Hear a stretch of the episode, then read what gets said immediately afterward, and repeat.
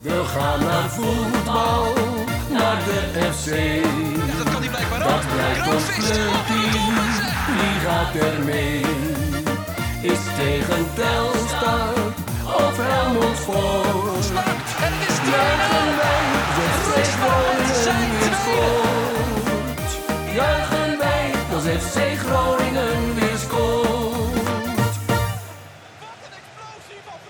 Conforminder, de podcast, aflevering nummer 11 van seizoen 6. Mijn naam is Maarten Siepel. En ja, na fresh eigenlijk uit Leeuwarden gekomen. Ja, je hebt het eh, gered Thijs hier aan de Paterswoldseweg. Je bent Ja. weer terug. Ja, ik ben even met de auto gegaan vandaag. Ja, toch wel? Ja, vond ik toch wel even. Het is van mijn huis eh, hier naar de studio toe is ongeveer een kwartier fietsen. Nou, toen ik zeg maar eh, naar de tafel liep om mijn autosleutels te pakken, had ik ongeveer alweer krampaanvallen. Dus nee, ik ben eh, lopend. Of eh, met de auto. Keurig, keurig. Ja, natuurlijk eh, beginnen we met het opnoemen van onze nieuwe Petje.affers. Dat zijn deze week Bram de Kam en Niels Mulder. Bedankt voor het support van onze podcast. En wil jij nou ook toegang krijgen tot extra content, zoals binnenkort weer Wim Masker natuurlijk met de maand met Masker. We gaan de succesvolle afgelopen maand eh, natuurlijk met, met hem bespreken. Ga dat dan vooral luisteren.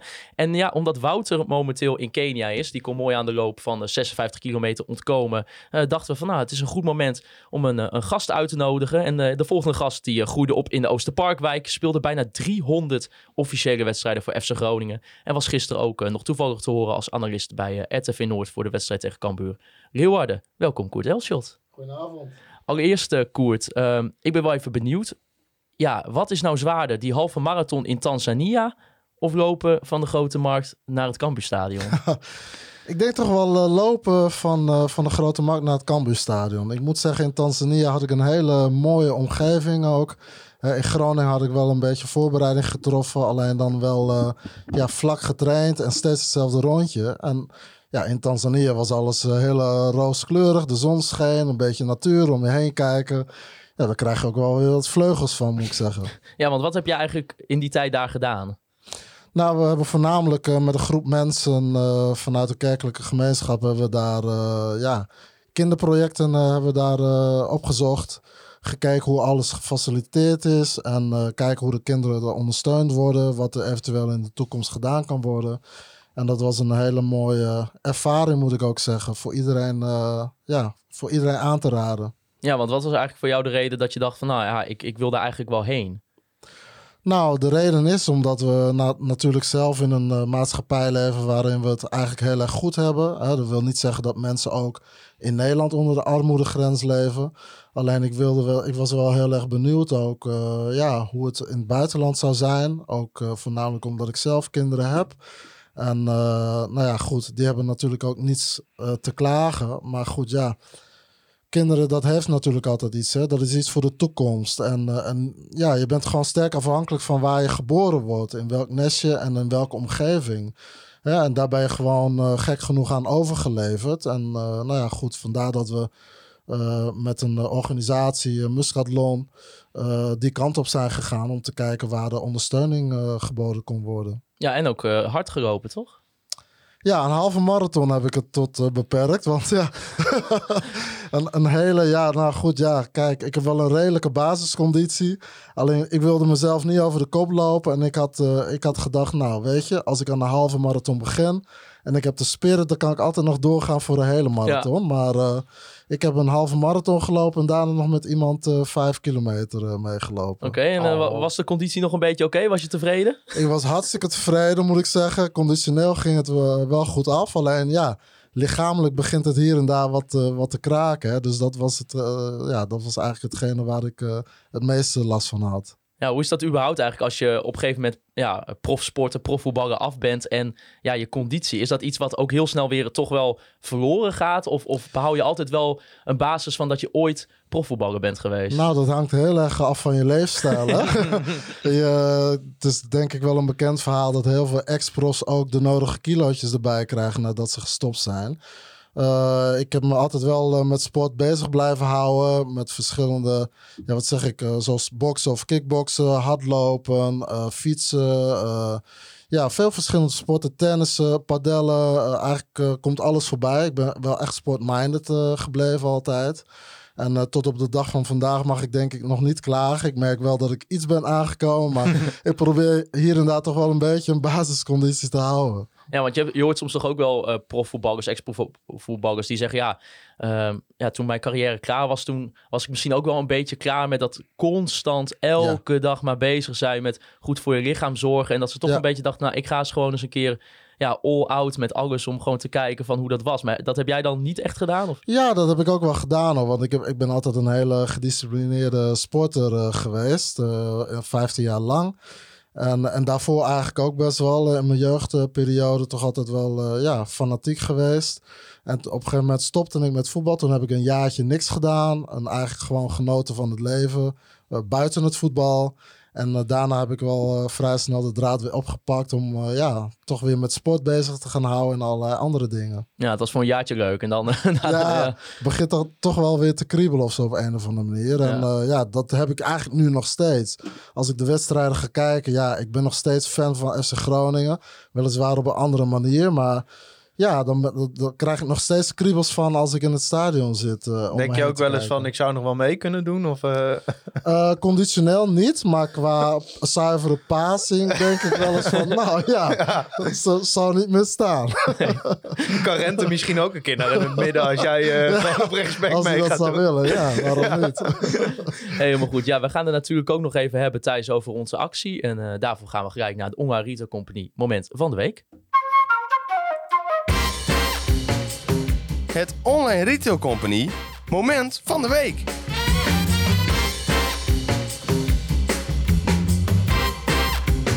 Ja, ons moment van de week gesponsord door onze grote vrienden van de Online Retail Company. Ja, Koert, eh, een bedrijf eh, wat een aantal webshops heeft. Weet je eigenlijk hoeveel webshops de Online Retail Company heeft? Nee, sorry. Nee, Nee. heb, je klein, heb je een gokje dat je denkt van nou, dit zou ik al veel vinden? Eh, 20? 20. Oh, Nee, het zijn er bijna 20. 15, 15 gespecialiseerde webshops. Ja, maar er is weer van alles te krijgen thuis. ja en eh, natuurlijk de winter komt eraan. En eh, dan is het wel lekker als je gewoon een kacheltje kan bestellen. heerlijk, bijvoorbeeld. Dat heerlijk, kan ook gewoon bij de Online Retail Company. Zwembaden hoeft niet meer, denk ik. Maar, eh, Nee, en laten we eerlijk zijn. of alvast eh, voor de zomer. Zij waren ook de, de grootste donateur hè, tijdens de actie met maar Ja. liefst 500 euro.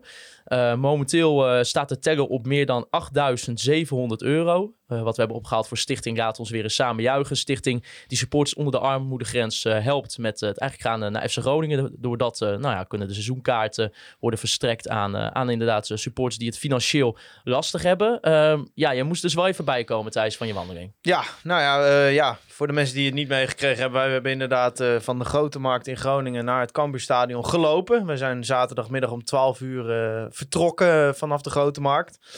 Ehm, daarbij ehm, heb ik dus dit hele tocht met jou afgelegd. Nou ja, Maarten, eh, ja, voor de mensen. eh, eh, Maarten is niet echt iemand die zeurt of zo over dingen. En Maarten is ook nou, redelijk atletisch, eh, zou ik zelfs wel willen zeggen. Ja, jij zat op een gegeven moment Ja. gisteren in het stadion en zei ja, pff, ja, Maarten, jij bent ook wel een atleet. Hoor. Toen, ik, toen, toen ik aan mijn halve liter bier zat. eh, Ja, aan- ja, ja, want eh, ja, ja, ja, ja, je- als je dan 56 kilometer moet, ja, na 20 kilometer dachten mijn benen al van, nou, wat zijn we aan het doen? Hou hier eens mee op. Maar bij Maarten was dat eh, niet, ja, jij had het hardlopend ook nog wel kunnen doen. Nou ja, kijk, weet je, het voordeel aan wandelen is, is dat je gewoon niet eh, eh, na 20 kilometer in ieder geval pijn overal in je lichaam Nee, hebt. nee Dat het was alleen de voeten, hè? daar was Ja. het tot eh, beperkt. Eh, maar eh, nou, we hebben hem uitgelopen. Wel echt, ja, delen op karakter, moet ik zeggen. Het, was, het was niet makkelijk, maar ja, uiteindelijk, hè, we zijn eh, de, door, door zoveel verschillende mensen gesteund online, maar ook eh, onderweg. Stond zelfs eh, luisteraar Ivo, eh, ga ik ook speciaal noemen. Ja, zeker. Die, stond, eh, die was uit Zuidwolde komen rijden naar Elbersburen. Nou, dat is ook nog wel een stukje rijden. En die had met zijn dochtertje een, een spandoek voor ons gemaakt. Met eh, nou ja, een succeswens. En die had een, een, een, een goodie bag waar ik vandaag nog een heerlijke droge worst van naar binnen heb gestouwd. Eh, ja, dus eh, dat werd eh, zeer gewaardeerd. Maar ook hè, John de Jonge, voorzitter van de Ja. supportersvereniging, moet genoemd worden. Die stond met een eierbal klaar Oh, kijk. Tussen Zuidhoorn en. Gaarkeuken. Ja, een beetje proteïne hè, van, die, eh, van, die, eh, van het ei.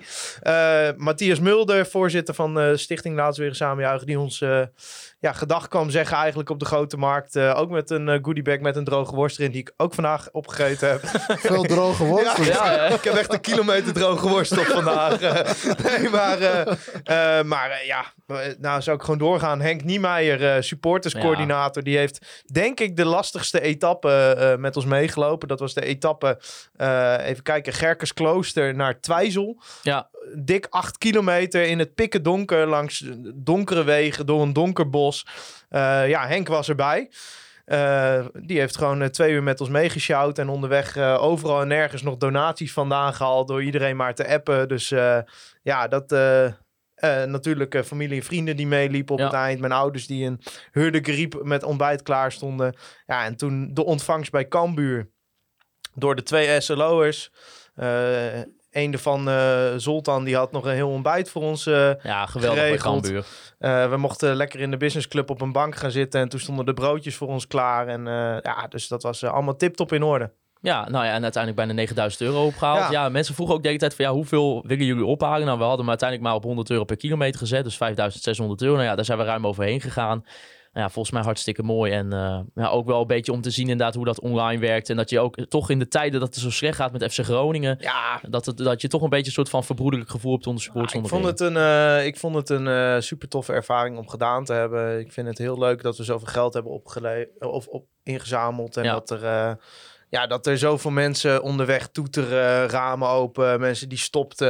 We hebben iemand die had nog bijna een eh kopstaartbotsing omdat hij ineens remde en het raam opendeed en ons succes wensen. Ja, weet je, dat soort dingen, dat is gewoon echt eh, super tof. Nou ja, en natuurlijk wel had het vorige week ook al benoemd, maar tijdens Emmen natuurlijk ook de collecte van de Noordtribune. Ja. Wat geld hadden opgeleverd, dat was echt heel erg tof. En nou, ja, we hadden ook even een oproepje in de podcast. Nou, als je nou een bedrijf bent, stoort wat geld Ja, en we noemen je naam. ja, Nou ja, dan ben ik, schuld. dan, dan ben ik zoals auto was Centrum Bijgen. Nou, Gorissen ruimtelijk advies. Dus ja, maar heb je ooit ruimtelijk advies nodig? Ik zou het wel Ik zou weten. horen ze bellen. Nou ja, en als je nou naar de kapper moet, ga naar Niekerk, naar House of Hair, naar Jannie Scheerhoorn. Toevallig een, eh, nou, inderdaad, eh, iemand die ik ook eh, toevallig ken natuurlijk. Nou, Immens Interim Finance Recruitment. Ook geweldig bedrijf. Toch? Ja, ik eh, zou het wel weten als ik voor mijn, als ik voor mijn financiën... eh, en ik ben geen ZZP'er, want anders zou ik naar onze sponsor Toupé gaan natuurlijk. Ja, maar als ik ja. geen ZZP'er ben, dan zou ik eh, naar Immens gaan. Ja, Zaal Enzo doneerde ook 100 Ja. euro. Daar liepen wij nog langs, ja, dat is toen, een toen ik echt op mijn allerlaatste benen liep in Leeuwarden, liepen wij langs Zaal en zo. En dan merkte je toch, dan had je weer even, even die kick van... Oh ja, die hebben ook 100 piek gestort. Dus ja, even de kapotte voeten een minuut vergeten. Tot Ja, en- wanneer kunnen mensen doneren dan? Ja, nu nog steeds. Ja, we laten het sowieso nog eh, een paar dagen openstaan. We hopen ook dat achter deze podcast misschien nog wat mensen die denken... nou, die klootzakken hebben het gehaald. We gaan alsnog storten. ja, er waren volgens mij ook wel wat mensen in mijn kring die zeiden van... nou, je loopt het eerst maar even uit. Eh, die, die, die dachten van, nou, we gaan niet doneren als jij na ja. 35 kilometer eh, de handdoek in de ring gooit. Maar eh, nee, mooi man. En vandaag nog even een stukje partneractivatie. Vanuit FC Groningen. Dick Lukien die zei al van tevoren van de sportpakketten zijn klaar van Sportbase. Ja, nou, er zaten mooie dingen in. Ja, ja, Richard van Elzakker, de perschef, die, eh, die heeft ons hartelijk ontvangen. Die kwam met eh, drie doosjes aanlopen met daarin, eh, ja, ik heb hem net uitgepakt, een handdoekje, een magnesium gel, eh, cooling down spray en ja, wat zat er nog meer in? Een of andere coolpack of zo. Ja, die, Dingen men- waar- die- mensen denken wist- blijkbaar dat ik 56 kilometer heb gerend of zo, maar eh, nee, ook dat wordt natuurlijk super gewaardeerd. Ja, dus nou ja, al met al top. En eh, mocht je nog denken van, nou, ik heb nog wel een, eh, een zakcentje over voor het goede doel, voor Stichting Laat ons weer eens samen juichen. Dan staat in ieder geval de GoFundMe-pagina nog open via onze Ja. socials en ook in, in de beschrijving. Ik ben nog één iemand vergeten te noemen. En waarschijnlijk ben ik heel veel mensen vergeten te Ja. noemen. Maar Jeffrey, onze Ja. chauffeur, eh, de man die wij op ieder moment konden bellen. En dan stond hij binnen vijf minuten voor ons klaar. Eh, de man heeft achter ons alles opgeruimd wat we op de grond gooiden. De man heeft kleding vervoerd, hele tassen vol. Volgens mij wel meer dan 20 kilometer meegelopen. We konden hem bellen wanneer we hem nodig hadden. Hij stond voor ons klaar. Dus eh, Jeffrey, deze is voor jou. Geweldig. Nou ja, en toen eh, kwam nog natuurlijk eh, de verschrikkelijkste anderhalf uur, eh, de wedstrijd. Eh, want, nou ja, De zwaarste etappe. Vol- Volgens mij, volgens mij zeiden wij nog tegen elkaar, volgens mij de vorige podcast zeiden van ja, dan zul je zien dat FC Groningen dan vroeg op achterstand komt. Nou, dat gebeurde ook door een doelpunt van, van Marco Tol. Ehm, als we keken naar de opstelling van FC Groningen, Hidde Jurjes was opnieuw de keeper. Eh, Wouter Prins bleef staan op de linksbackpositie en eh, Christian Liers speelde voorin, waardoor Kevin van Veen opnieuw op de bank zat.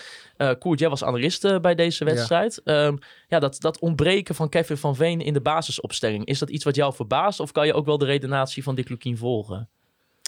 Nou, kijk, ik weet niet precies wat zijn. eh, ja, hij heeft natuurlijk wel uitgelegd wat zijn visie is op, dat, op het niet opstellen van Kevin van Veen. Hè. Dat was het druk zetten vooruit, maar ook het mee terugverdedigen daarin.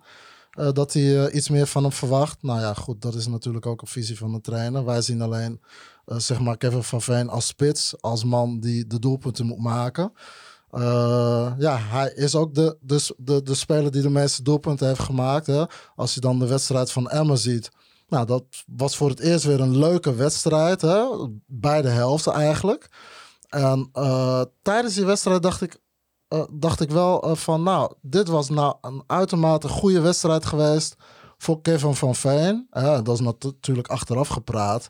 Maar voor alle ballen die in de box kwamen en de kansen die ze kregen... Ja, denk ik dat Kevin daar wel een neusje voor de goal voor had gehad. Maar goed, dat mocht niet zo zijn. Ehm, ik, ik had enigszins wel een beetje de verwachting dat hij nu wel zou gaan spelen. Ja. Ja, Thijs, wat, wat, wat- hoe kijk jij daarna? Ja, ik, eh, ik ben. Ja, je, je- misschien is dat ook hoe je kijkt. Maar ik vind eh, Lien. Ik, ja, ik zie het niet. Wat, wat, wat ze daarin zien, zeg maar. En dan, dan geloof ik dat verhaal met druk zetten en zo. Ik zie dat ook altijd iets wat een trainer. Zeg maar, stel Kevin van Veen, die zou nu op 7, 8 goals staan. Dan kan het eh, Dick denk ik niet interesseren of Lukien achteruit lopend druk zet. Maar dan stelt hij hem Ja. op, zeg maar. Dus dat is ook altijd wel een beetje zo'n reden om iemand niet op te stellen. Terwijl ik denk van ja, eh, begin nou gewoon met heel simpel te kijken. Wat heb je in deze selectie wel? Want het gaat er vooral om van, nou, waar eh, ontbreekt het in de selectie aan? Nou, die lijst is ook wel wat langer. Door gewoon mensen op hun plek neer te zetten. Begin daar nou eens mee. Rente moet centraal spelen, want achterin is het gewoon een circus op dit moment. Eh Pelupessi, Hoven, Bakuna heb je weer een stukje as waarvan ik denk, nou, als die alle drie een slechte dag hebben, dan gaat het ook nog, zeg maar. Ze zijn niet goed hoor. En dan zit je Van Veen ervoor in de spits. Dan heb je in ieder geval vier spelers in de as waar je op kunt bouwen. Maar nu is het weer, nou, Rente moet naar buiten en dan moet Lien weer. En Lien Postema, die hebben totaal geen klik met elkaar, vind ik. Ehm, dus ik snap gewoon niet dat je niet denkt van, nou, oké, Van Veen verdedigt misschien niet genoeg mee. Ja, desnoods zet je Van Berg of Postema erbij, die lopen toch wel voor twee. Ehm, maar ik denk dat er gewoon veel meer achter zit. Ja, ja kijk, stel dat, eh, de, hè, dat Dick, die heeft natuurlijk het idee om, om, om op deze manier te gaan voetballen. Hè, op basis van Emmen, ja, kan je ook niets verwijten natuurlijk. Want het was, ze speelden op zich wel eh, ja, Ja. redelijk goed voetbal. Had het ook wel verdiend om te winnen. Alleen het probleem is, je hebt niemand anders die de doelpunten kan maken. Nee. Hè, Als je naar de selectie van Cambuur kijkt, dan is het veel meer verdeeld over de selectie. En bij Groningen, ja, heb je Kevin Verveen, die staat op vijf doelpunten. Nou, daarachter, wie heb je daarachter? Rente, nog? Met, Rente eh, met, twee goals. Ja. Ja, en dan, eh, dan houdt het al bijna op. Dus ja, eh, ik denk dat het ook niet lang te houden is om, om Van Veen niet op te stellen. Nee, maar jij zegt bijvoorbeeld van Emmen was een leuke wedstrijd. Maar als je, daar was ik mee eens hoor. In principe, het was in ieder geval een beetje onderhoudend, zeg maar. Maar als je dan kijkt dat FC Groningen die wedstrijd qua expected goals op 1.1 zat of zo, dan is het ook niet alsof je de ene na de andere kans aan elkaar hebt geplakt. En Ja, maar, maar daar wil ik wel even op inhaken. Want die term die hoor ik heel vaak. Expected go- goals. Maar ja, als je dan tijdens zo'n wedstrijd zelf zit te kijken... dan heb je daar heel, heel vaak een heel ander gevoel Ja. over. En dan denk je van, ja, wat is nou waarheid? De expected goals? Ja, waarschijnlijk wordt het ergens opgenomen of... hè? Ja. Maar ja, ik heb daar niet altijd een, een, een- ja, een heel erg eh, zuiver 100% gevoel Nee, maar het kan bijvoorbeeld wel eh, je een stuk context geven. Hè? Je ziet iets en daar- op basis daarvan kun je conclusies trekken. En dat kun je bijvoorbeeld dan zeggen van... eh, Oké, dus als je de kansen simuleert... want dat, dat, dat is eigenlijk wat expected goals doet... dan zou FC Groningen qua kwaliteit van kansen... tot ongeveer 1.1 expected goal moeten komen. Ja, maar eh, als een bal in de box valt... en dan heb ik het in de 16 meter Ja. gebied of in het keepersgebied... een voorzet, is dat dan ook een expected goal? Nee, of een het- schot, een schot. Dat ja, is maar een, dat, eh, is, dat kan wel voor een dreiging vormen, ja, ja, weet je wel. waar. Dus dat hoeft niet per definitie per se... Nee, maar er is een ook niet. schot Het is op ook de niet goal zijn eh, zwart-wit natuurlijk. Hè? Dat het is van de, de expected goal was 1, dus er zou 1 moeten vallen. Het is meer een statistiek statistiek. Net zoals balbezit dat is. Ja, wat zegt het als je 70% balbezit heeft? Maar het kan je bijvoorbeeld wel, als je het gevoel hebt van... nou, Groningen was dominant aan de bal... dan kun je zeggen, oké, ze hadden 70% balbezit. eh zoveel schoten op doel, zoveel eh, eh, key passes, zoveel kansen gecreëerd. Ja, en dat vind ik met, met in balbezit zijn, vind ik dat ook een term dat ik Ja. denk van ja, oké, je kan 70% balbezit hebben en de Ja, tegenstander Maar 30, zo kun je het maakt toch ook zien, zeg maar. ja, maar dat maakt nog steeds niet. Den Bosch Gro- of Groningen Den Bosch bijvoorbeeld. Nou, Den Bosch was echt niet beter dan Groningen. Nee. Maar drie hele eh, belangrijke momenten, eigenlijk drie standaard situaties, maken zij het verschil. Ja. Eh, eh, ja, Ja, maar het en- kan wel heel veel zeggen dat Groningen wel beter is, maar niet zoveel beter dat het in staat is om de wedstrijd echt naar de hand te zetten. Nee, klopt. En Maar dat ik- is misschien ja. wel het onderliggende probleem. Data is heel mooi in deze tijd dat het gebruikt wordt. En het zal zeker ergens ook wel zijn, zijn waarheid hebben, zeg maar. Mhm. Alleen, eh, ja, ik zou, ik zou niet helemaal alleen maar op data afgaan. Nee, eens. Over uh, Rien eh, was een eh, vraag van, eh van Devon Bezema. Die vroeg, ja, wat is nou precies de kwaliteiten van Christian Rien? Zie jij iets in hem eh, in de afgelopen wedstrijden voor je denkt, ja, dit, dit zijn wel de kwaliteiten van deze speler?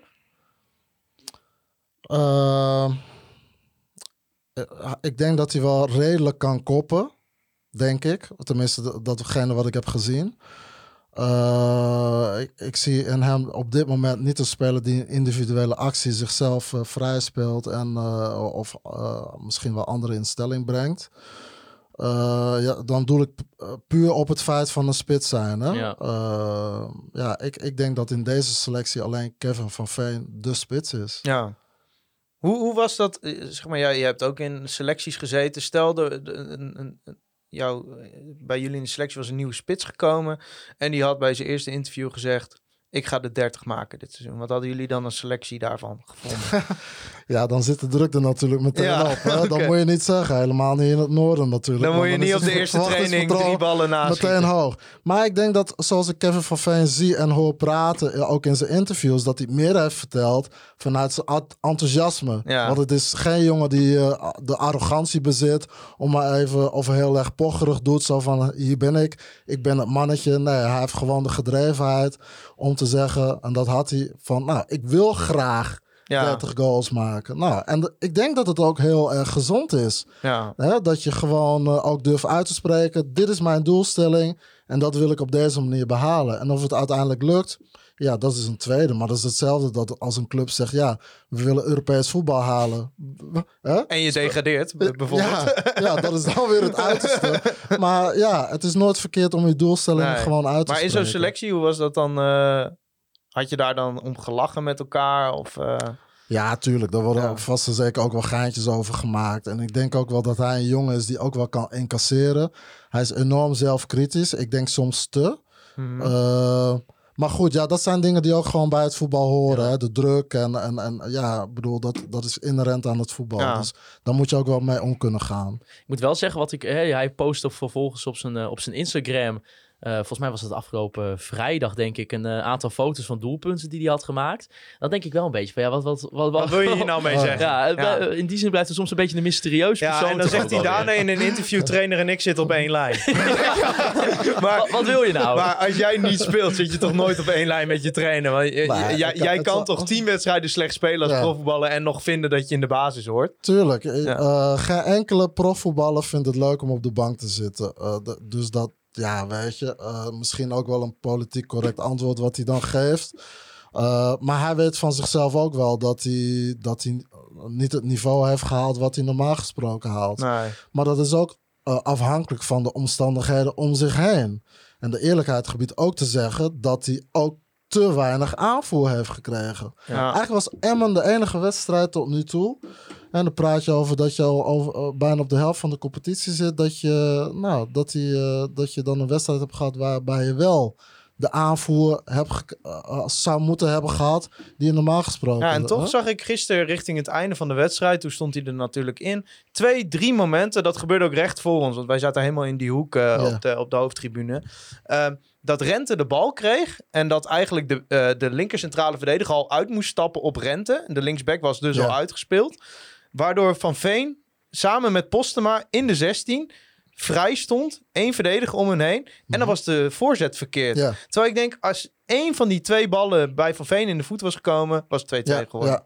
Maar elke aanvaller, en vo- met name een spits, is gewoon afhankelijk van aanvoer vanaf, eh, nou ja, in Groningen het geval dan vanaf de zijkanten, denk ik. Ja, denk je dat Lukien, eh, eh, de speelstijl die Lukien erin wil krijgen, dat dat genoeg aansluit bij hoe Van Veen hoort bespeeld te worden? Kijk, het Schotse voetbal is natuurlijk anders dan Ja. het Nederlandse voetbal. Dat in eerste instantie. Ik denk dat de normen eh, in Nederland eh, heel anders zijn. En met name het KNVB gericht. Hè? Dus altijd voetballend een oplossing te eh, proberen te vinden. Ja, dat kan in sommige gevallen wel te veel doorgevoerd worden. Dan heb ik het niet over Dick Lukien, maar over het totale Nederlandse voetbal. Nou, en je ziet dat heel veel ploegen daar ook in meegaan. Alleen in deze competitie, ja, er worden ook wel andere dingen gevraagd.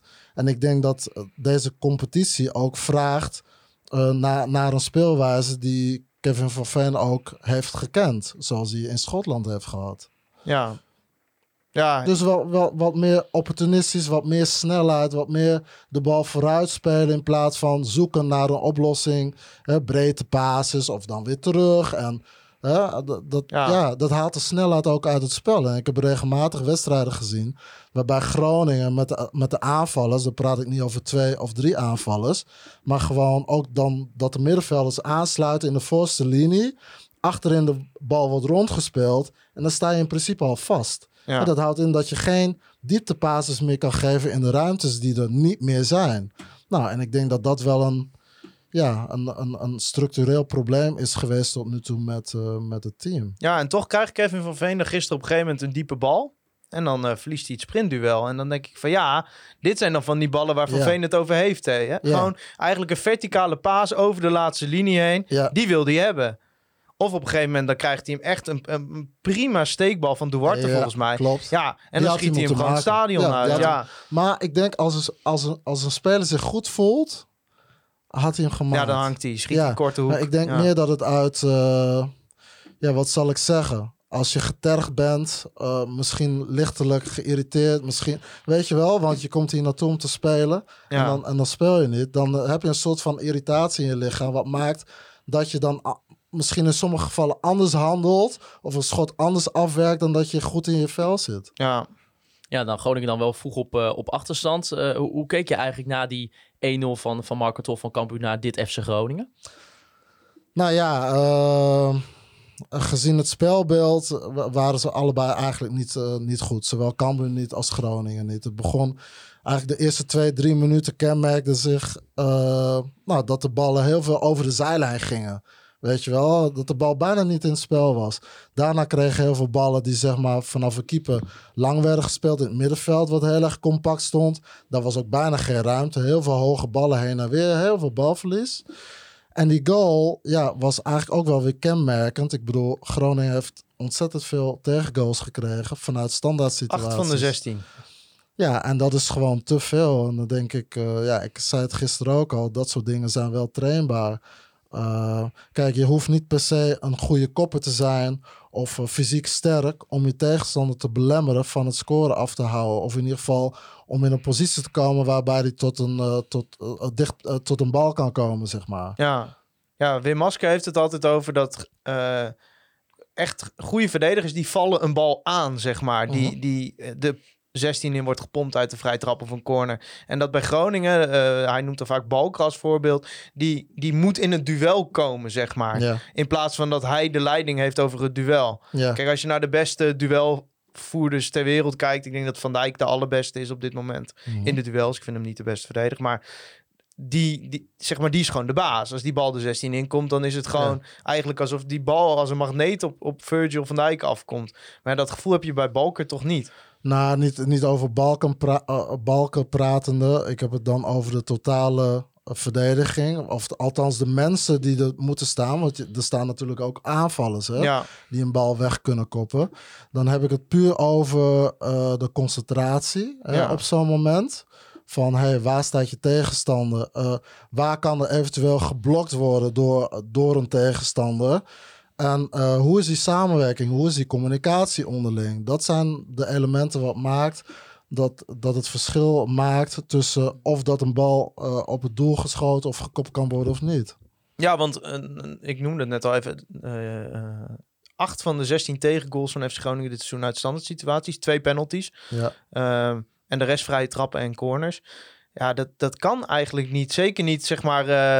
ik denk dat FC Groningen in heel veel wedstrijden ehm, niet per se echt enorm de betere ploeg is, maar wel de overhand heeft. Mhm. Maar dat dan het verschil is klein. Groningen komt moeilijk tot scoren. Dan zijn het eigenlijk die standaard situaties die je dan elke keer de das om doen. Dat zeg je uit bij NAC ook. ja. Eigenlijk, als je naar het wedstrijdbeeld keek, had Groningen op basis van die tweede helft die wedstrijd moeten winnen. ja. Nou, dan op een gegeven moment denk je 2-2, oké. Maar ja, dan krijg je nog even een corner in de laatste minuut. Nou, we weten allemaal wat daar gebeurde. Ja, ja, maar nu heb je het over de standaard, eh, standaard situaties. Hè? Dus een corner of een vrije trap. Ja. Eh, eh, maar, maar vaak op eigen helft, hè? Logisch, toch? Ja, De wedstrijd tegen een bos zie je een ingooi aan de overkant van de hoofdtribune.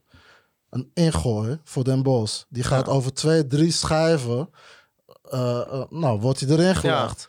Dat noem ik ook een standaard ja situatie. want dat zijn de situaties dus die je letterlijk ja, traint. En die reken je eigenlijk niet bij de standaard situaties. eh, Dus zijn er negen in plaats van acht. Ja. Nee, maar wacht even. En dan heb je nog een vrije trap op eigen helft van Den Bos. Hè?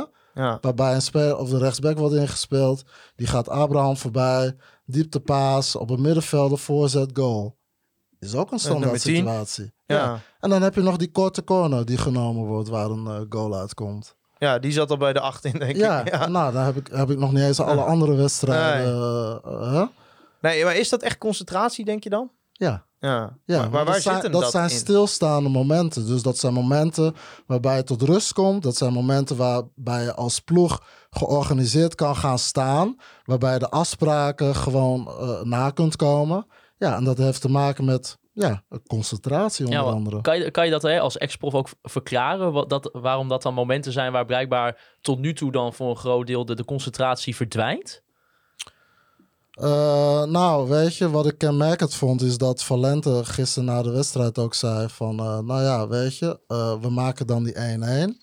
Hè, je hebt dan de tegenstander half op zijn knieën. Ja, je zou zeggen dan logischerwijs druk hem dan door. Want ja, dat zijn de momenten waar, Ja. waarbij een tegenstander eigenlijk wankelt. En dan sluipt een soort van angst in de ploeg. Dus angst, druk. Eh, als topsporter heb je altijd met druk te maken, weet je wel. En de ene keer kan je daar beter mee omgaan dan met de andere keer. Of- met een andere keer dan een andere keer. Ehm, maar ik denk dat het heel vaak, en we hebben het al gehad, we hebben het zo vaak gehoord ook, hè, de, ja, de naweeën van vorig seizoen wordt dan meegenomen. Je hebt dan ook een slechte start eigenlijk in deze competitie. Dus ja, dan suddert dat toch ergens door, weet je wel. Dus die druk, die angst, wat maakt dat, ze- dat ze misschien wel ergens, ja, verlammend gaan spelen, weet je wel. Ja. Nou, en dat werkt uiteindelijk in alles door. En hoe kun je dat doorbreken? En wat ik heb begrepen zijn er toch volgens mij wel een aantal eh, specialisten op de club die zich daarmee bezighouden. Ja, nou gaat niet zo goed tot nu toe dan. Nou ja, of of Nee, het is gewoon ja. een heel lang proces natuurlijk. Met eigenlijk al de zeven wedstrijden Ja, en toch, voor, eh, voor, met, onder ik, Danny ik Buis volg nog. dit verhaal dan helemaal. Hè, maar dan denk ik toch, als je als Groningen zijnde dan degradeert. eh, je hebt een, een, een x-aantal spelers die nog door Flederis gehaald zijn met echte ambitie subtop, Mhm. zeg maar. Hè, dat was vorig seizoen gewoon echt de doelstelling. Europese voetbal of in ieder geval play-offs. Ja. Dan kan het toch bijna niet dat deze spelers ook niet goed genoeg zijn voor de KKD. Maar daar begint het nu wel heel erg op te lijken.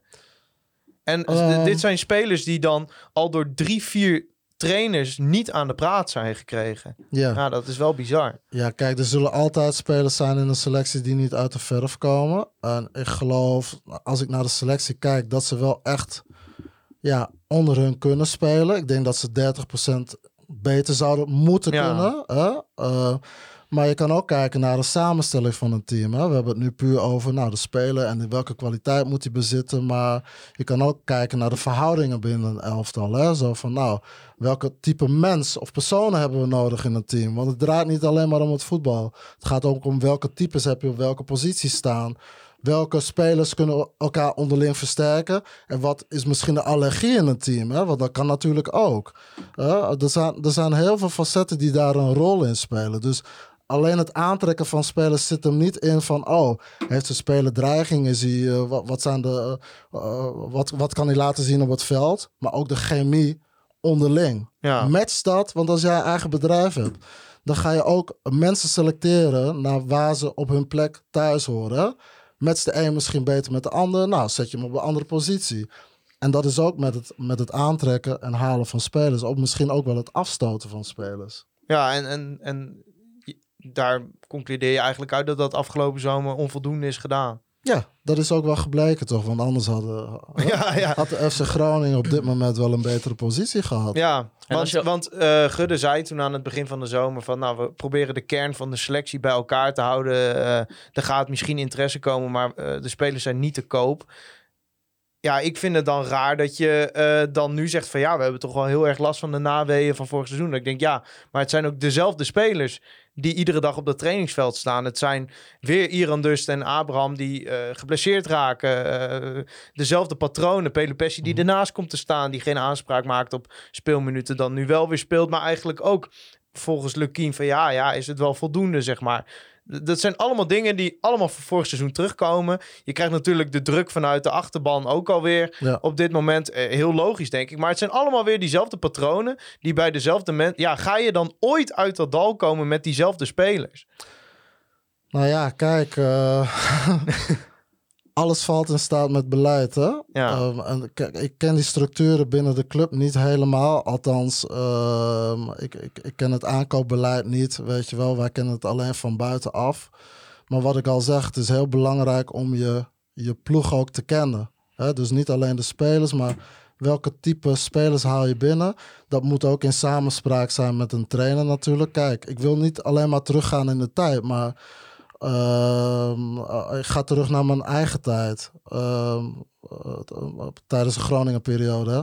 Dan had je natuurlijk Hans Nijland, je had eh, eh, Ron Jans en je had Henk Veldmaten. Nou, dat is een drie-eenheid. Dat klopt. Dus dat, dat is de basis van je organisatie.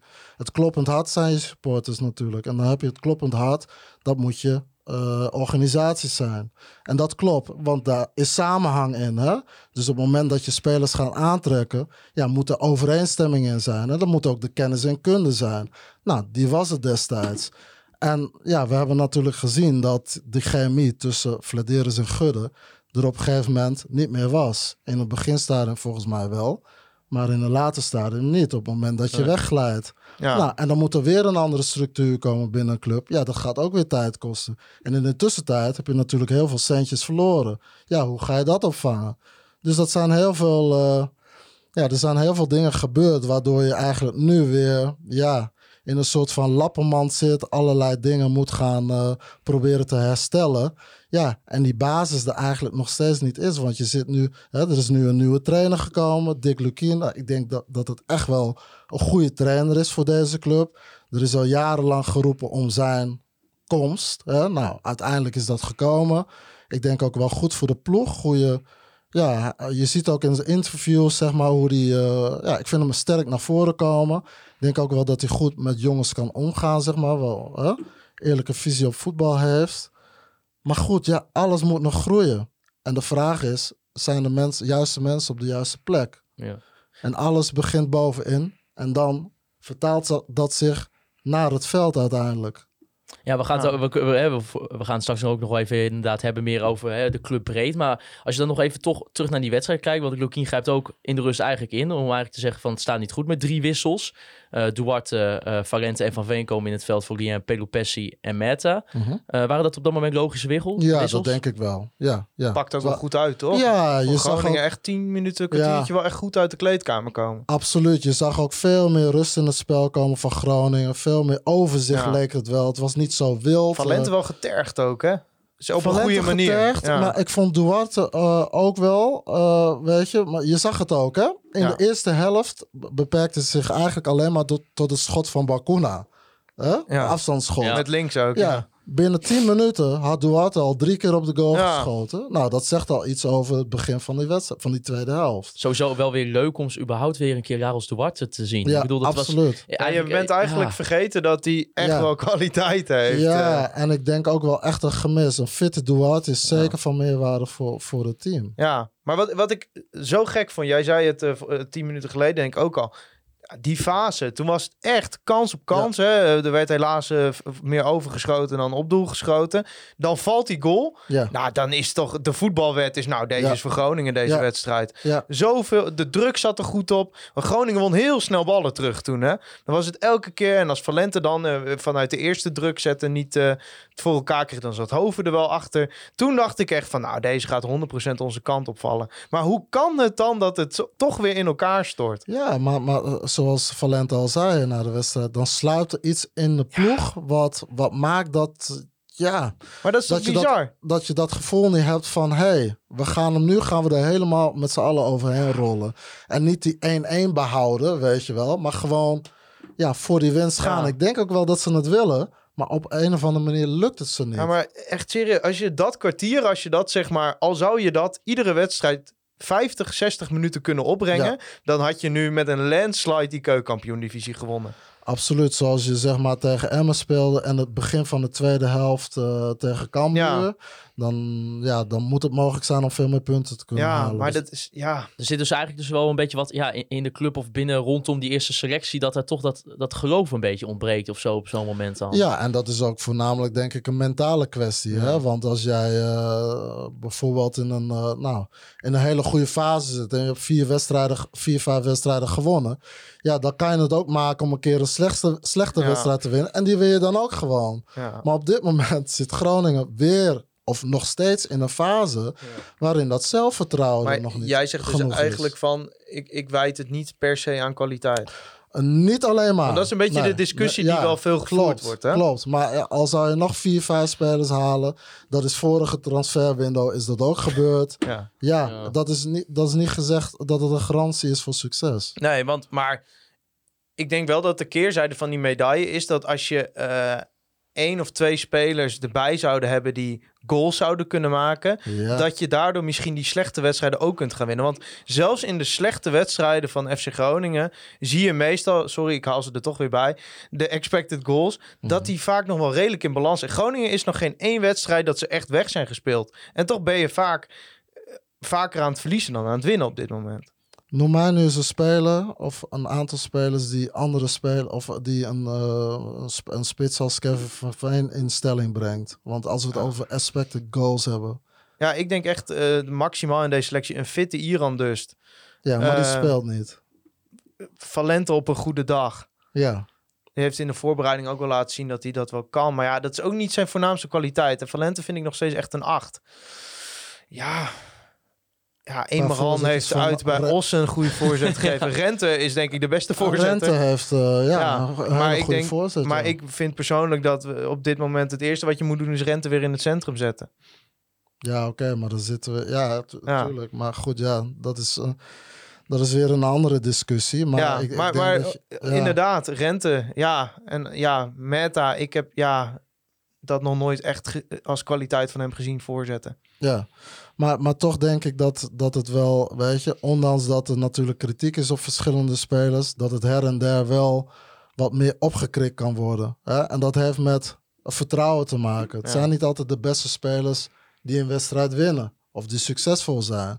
Maar dat heeft puur te maken met een mindset en hoe sta je erin en wat, met, wat voor gevoel ga je het veld in. En met name ook juist op die belangrijke momenten. Ja, En bijvoorbeeld behalve je eigen zelfvertrouwen of je eigen mindset. Wij hebben het ook wel eens gezegd van... eh, neem een speler zoals Paulus Abraham of Iran dus. Een speler die eigenlijk al nou ja, sinds, sinds hun komst bij FC Groningen niet lekker in een vel zet. Natuurlijk ook Ja. deels met blessures. Ehm, maar hoe belangrijk is dan bijvoorbeeld ook de, de- ja, de sfeer rondom... Nou ja, bij, bijvoorbeeld bij medespelers. Want ik kan me ook wel voorstellen dat iemand als Dareo Iran... dus als je zelf niet lekker in je vel zit... en je hebt eigenlijk omringd ben je door, door spelers... door een sfeer die ook heel erg negatief is Ja, dat het heel erg lastig is om natuurlijk in je eentje soort van uit jouw eigen, ja, nou, gewoon, ja, dat je niet, geen zelfvertrouwen meer hebt, dat je niet speelt om dan daar uit dat dal te Tuurlijk. kruipen in je eentje, is Ja. ook wel lastig, denk ik, Ja, toch? tuurlijk is dat lastig. Want op het moment dat je geblesseerd bent, dan train je natuurlijk ook heel vaak alleen. Hè, nu komt hij uit het buitenland, dus dan zal hij misschien niet zo heel veel de kranten lezen of eh, alles wat er over hem wordt gezegd. Ja. Dus dat is misschien het voordeel. Maar ja, weet je, dan eh, raak je eigenlijk in een neerwaartse spiraal. Ik moet zeggen dat hij, ja, ergens is het wel een speler waarvan je zegt van ja, dat is wel iemand die een steekpaas kan geven om iemand in stelling te kunnen brengen. Maar goed, door zijn vele blessures. En ik, weet, ik, ik ken hem niet persoonlijk natuurlijk, Nee. dus moeilijk te zeggen. Mentale gesteldheid zal natuurlijk ook niet overdruipen van, eh, van vertrouwen. Ja, maakt dat het voor hem ook wel ja, steeds lastiger wordt natuurlijk, weet je wel. En je ziet daar eigenlijk een, beetje dezelfde lijn in, in, in, in elk seizoen terugkomen. Maar ik denk niet, niet dat het alleen voor hem geldt, maar ik denk dat het wel voor meerdere spelers geldt. Ja, Heb jij je ook nog eh, geïrriteerd, eh, Thijs, aan spelers in deze wedstrijd? Ja, ik ben die fase wel een beetje voorbij. Ja, Zelfs jij. Ja, het is wel echt, echt gelatenheid. Ja, ja ik, ik vind bijvoorbeeld wel... eh, Kijk, het ging ook weer veel over Peersman, hè? Eh, over, over, maar ja, ik ben denk ik de, een van de laatste die, die nog er zo over denkt. Maar ik vind nog steeds dat hij wel echt onterecht... Kijk, hij wordt gewoon gebruikt voor iets wat hij niet is. Het is geen opbouwende linker centrale verdediger. Het is een linksback een, vrij simpele linksback die gewoon zijn rechtsbuiten uitschakelt. Het is niet meer dan dat. En omdat er in de zomer is gekozen om niet een linker centrale verdediger aan te trekken, een linksbenige centrale verdediger, is hij hier nu maar neergezet. Omdat eh, ten eerste Lukien eh, vond dat in de opbouw eh, hij een linkspoot miste. Nou, dat zag je in de eerste twee wedstrijden ook wel, vind ik. Eh, en door blessures, hè? want het is wachten op Nick Bakker nog steeds. Ja, dat, ja eigenlijk ja, dat is heel sneu voor hem. Want Ja. ja. ik gun het hem dat hij het redt. En ik denk dat het een goede speler is. Maar ja, eigenlijk op het moment dat hij in de buurt van het trainingsveld komt, is hij alweer geblesseerd. Dus daar kun je niet op bouwen. Nou ja, als je kijkt naar dat centrale duo, eh, Koert, want ja, Balker en eh, zeker ook Peersman inderdaad, die krijgen veel te verduren. Hoe kijk jij naar dat centrale duo? Ik had zelf niet het idee dat Balken veel te verduren kreeg. Maar goed, ja, van de geluiden nu blijkbaar wel. Maar ik vond de Balken anderhalf seizoen geleden verreweg de nummer één op de nominatie om een transfer te maken. Nou, je kan mij niet wijsmaken dat hij diezelfde kwaliteiten nu niet meer bezit, weet je wel. Hij weet natuurlijk zelf ook wel dat hij beter kan en wil en moet. Eh, alleen het is, een, het, het is iets wat door, een heel, door het hele team sluimert, weet Ja. je wel. En kijk, het is ook niet aan mij om een oordeel te vellen over die spelers, want ja, dat zit gewoon niet in me. Maar eh, Nee, er waren toen wij jou aankondigden al Ja. veel mensen die er bang voor waren. Ja, ja, dat, ja. misschien ben ik Maar- een hele saaie tafelgast, weet je. Dat vind ik niet maar dat, hoor, dat, maar, dat, eh, dat, dat, dat komt misschien ook omdat ik de andere kant ken. En eh, ja, wat ik al zeg, het moet ook bij je passen. Het moet ook in je zitten. maar Ik, jij- wil, ik wil wel over voetbal praten en analyseren. ja, maar je bent niet iemand die zegt Balker, die kan er helemaal niks van zeggen. Nee, nee, absoluut niet. En ik geloof ook niet dat hij er, wat, dat hij er helemaal niks van, van kan, zeg Nee. maar. Alleen, ja, Groningen zit met het gehele team in een fase waarin het niet altijd even lekker loopt.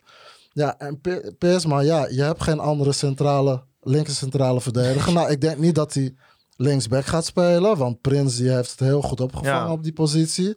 Dat is wel echt een eh, lichtpuntje ook in het team. Hè, die brengt toch wel eh, Eens. zijn nodige steentje draag je toch wel bij. Dus ik weet niet, eh, ja, en je hebt natuurlijk uh, Blokzaal die nog steeds geblesseerd is. Hè? Dus eh, je kan ook niet praten van een bepaalde concurrentie hè? In de, in de, bij de centrale Nou ja, je zou natuurlijk, ja, dat, dat is eh, ja, een beetje mijn stokpaardje. Rente naar het centrum en dan toch maar weer Balker linker centrale. Hoewel die zijn linkerbeen gebruikt om op te staan en, eh, en, mee in de bus te stappen en verder niks. Maar Kijk, eh, eh, voetbal, dan praat je puur over voetballend vermogen. Als je heel erg volgens de KNVB-systemen wil gaan spelen, ja, dan heb je per se een linker centrale verdediger nodig, omdat je voortzetting Ja. goed is.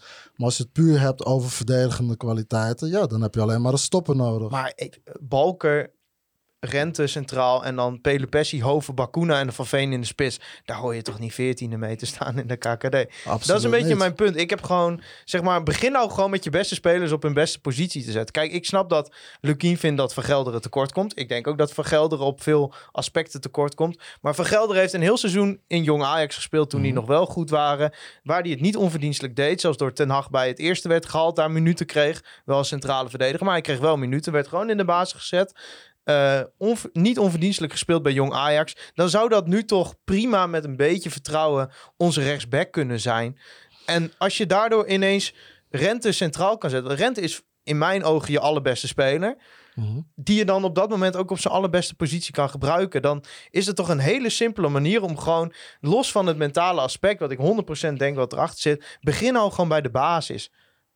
Spelers op de plek zetten waar ze horen te staan. Dus niet Bakuna op rechtsbuiten of hangende rechtsbuiten. Gewoon Bakuna samen met Hoven en dan Pelupessi erachter. En probeer dan in ieder geval een beetje daar dat ze altijd op dezelfde plek staan, zeg maar. Ja, ja, ja. Ja, een vast systeem, daar is iedereen gebaat bij. Ja. Alle spelers zijn daar gebaat bij. Alleen, ja, wa- waarschijnlijk maakt het ook op een of andere manier...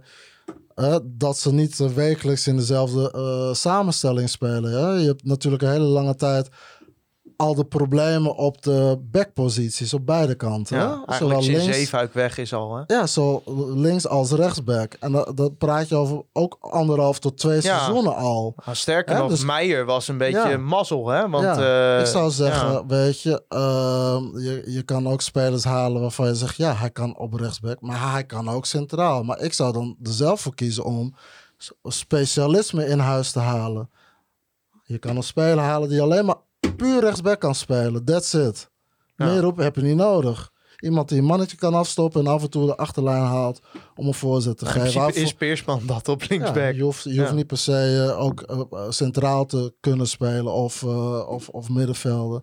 En idem dito voor de linksbackpositie. Nou, daar heb je nu gelukkig ook Prins. Hè, Ja. wa- Waardoor je ook ziet dat Merten nu zich prettig voelt volgens mij richting het middenveld.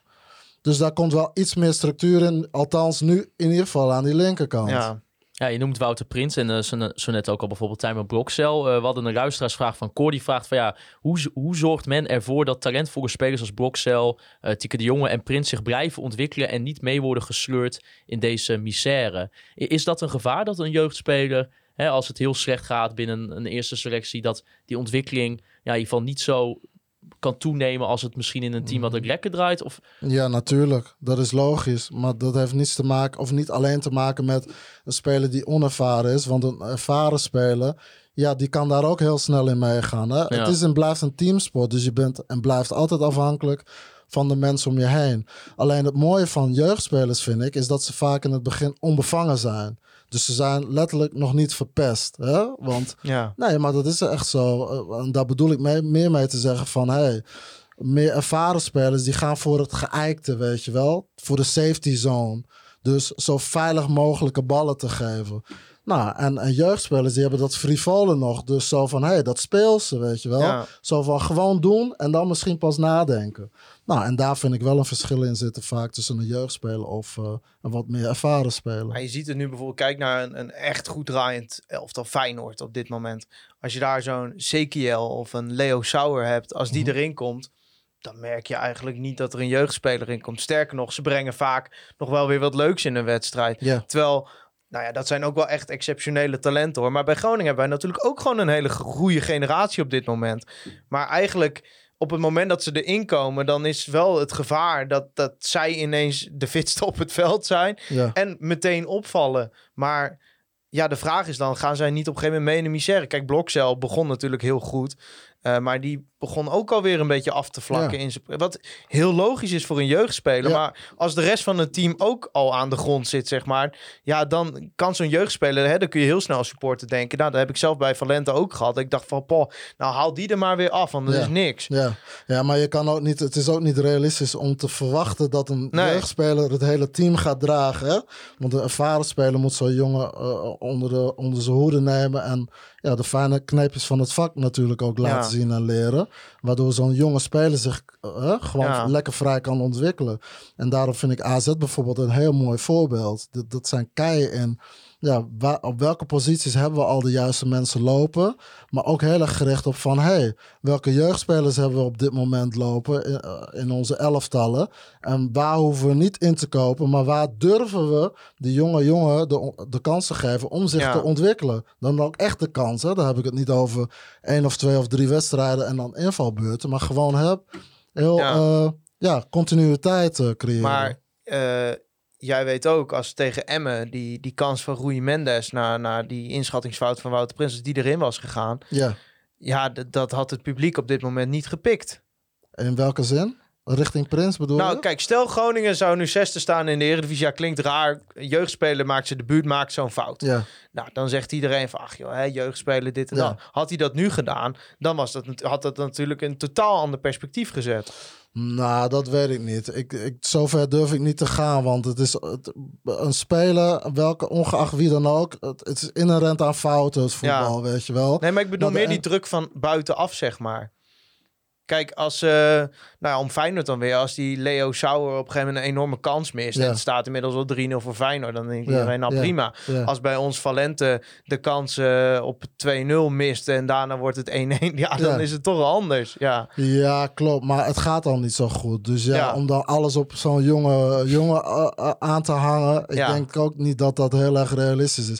Iedereen weet ook dat, dat het. Ja, dat de fases dat Groningen goed speelt veel te weinig is. Dus ja, fouten blijven gemaakt worden. Maar, maar dat, dat is niet gezegd dat je dat niet zou kunnen omturnen, zeg maar. Dat ik bedoel, er zijn genoeg, in principe moeten er genoeg mensen ook achter de bal zijn om fouten te kunnen corrigeren. ja.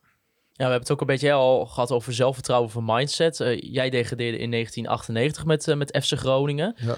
Hoe moeilijk is het om dan in een eigenlijk ja, de ommekeer te maken richting een, eh, ja, een kampioenenploeg of een ploeg wat mee kan doen voor promotie?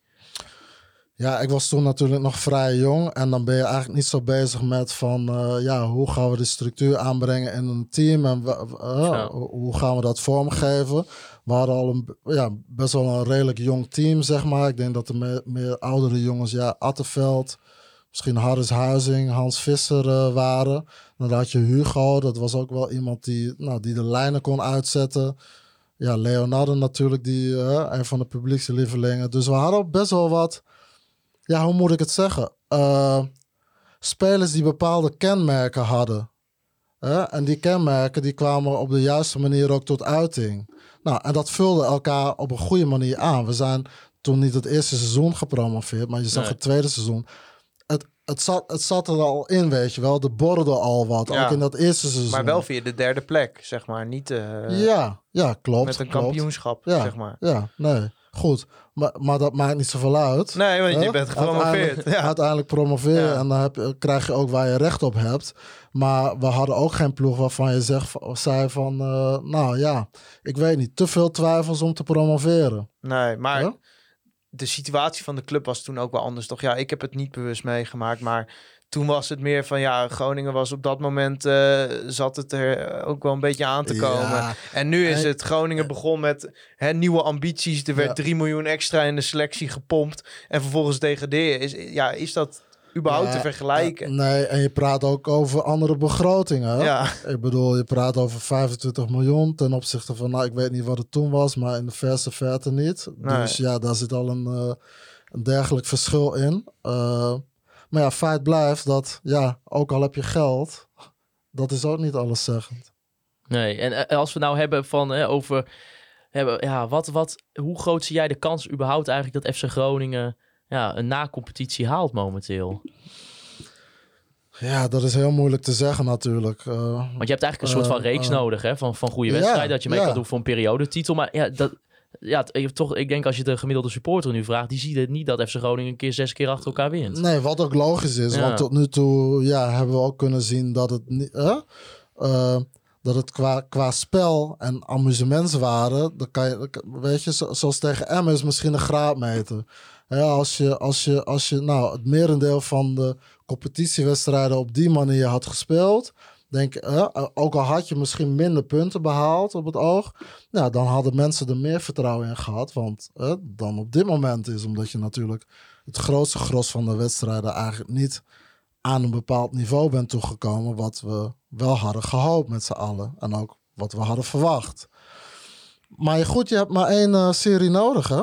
Je hebt maar één goede serie nodig. Dus ja, de Maar- kansen zijn natuurlijk nog niet. Zie jij een club als FC Groningen met al die druk, met de hele voorgeschiedenis, ja, zo'n play-off. Ja, dan moet je gewoon eh, ja, drie rondes, zes wedstrijden gewoon goed voor de dag komen. Zie, zie je dat lukken met deze selectie? Nou ja, ik, ik hoop wel dat ze voor de winterstop nog wat bij elkaar sprokkelen. Maar dat, ja, weet je, ik, om eerlijkheid gebied te zeggen dat ik dat niet, ja, op dit moment niet het gevoel heb dat, ja, dat er iets in gaat gebeuren. Ik hoop dat de winterperiode, winterstopperiode, ja, dat, dat daarin toch iets gaat gebeuren. Wat maakt dat je die tweede seizoenshelft hopelijk weer. Waar zit je aan te denken? Ja, waar zit ik aan te denken? Doorselecteren. Nou ja, de trainer zal ongetwijfeld, hè, dat heeft hij al gezegd, zijn lijstje ingeleverd hebben. Ja. Maar goed, ja, eh, eh, dat zal hij niet alleen doen. Daar zijn ook meerdere en andere mensen die daarover gaan beslissen. Ja, en je kan je geld maar één keer uitgeven, denk ik, in deze... Maar zou er ook niet wat moeten vertrekken? Kijk, we hebben het over het mentale aspect gehad. Is het niet een punt aangekomen dat je kunt zeggen van... nou, oké, die speler, die, ja, dit is misschien wel waardeverlies wat we nu leiden. Of eh, hè, die, zo'n speler staat toch nog op de balans voor dit jaar. Eh, maar het is misschien voor alle partijen beter dat we gewoon zeggen van... we moeten nu de blik vooruit zetten. Ja, tuurlijk. Kijk, als je spelers haalt, dan zullen er ergens ook spelers moeten vertrekken. Ja, Hè? En, en ik denk niet dat er spelers zijn op dit moment waaraan je geld zou kunnen verdienen. nee.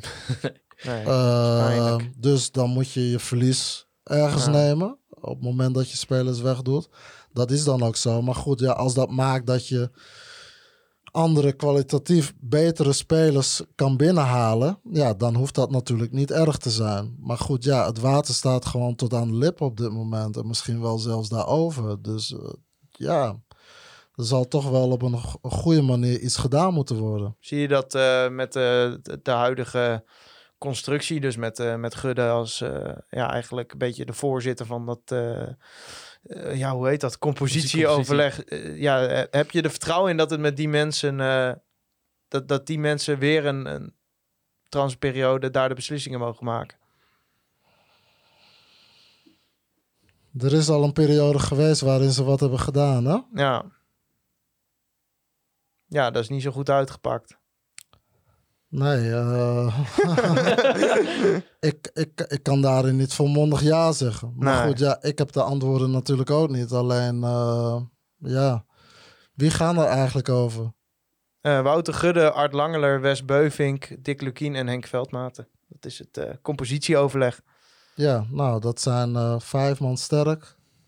Ja. Dus je zou zeggen dat, ja, dat het uiteindelijk goed zou moeten komen. ja, maar ja, die hebben we deze zomer ook al met z'n vijven geprobeerd.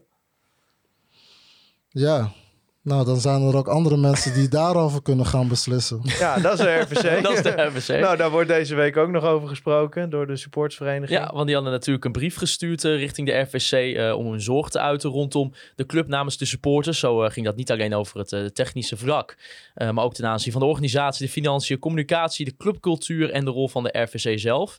Nou, eh, Erik Mulder heeft aangegeven dat, eh, dat zij ingaan op dat gesprek.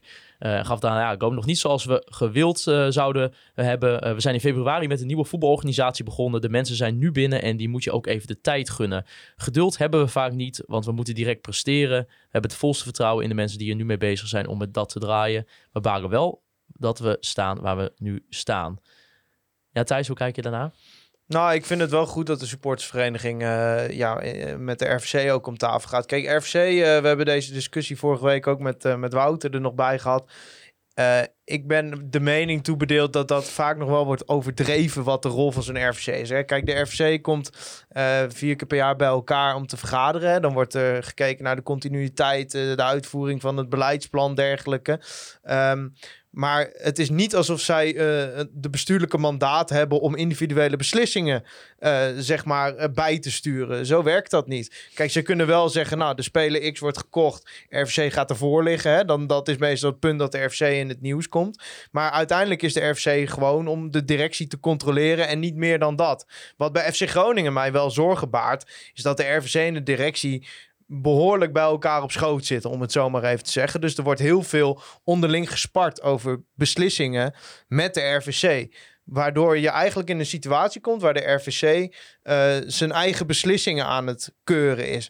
Ja, en eh, ja, als, je, eh, als Je jij... moet een onafhankelijk orgaan Ja, zijn. en, en dat is het op deze manier niet. En ik heb ook wel begrepen dat het ook die constructie is waar de supportsvereniging zich zorgen over baart. En ik denk dat we ja, heel blij mogen zijn dat we bij FC Groningen gewoon een supportsvereniging hebben die een sterke positie heeft binnen de club. Waar echt verstandige mensen zitten die ook gewoon dit soort eh, stappen durft te nemen. Want dit een grote stap. Hè. Je moet dat niet onderschatten. Want de vorige keer dat er een dergelijke brief uit is gegaan.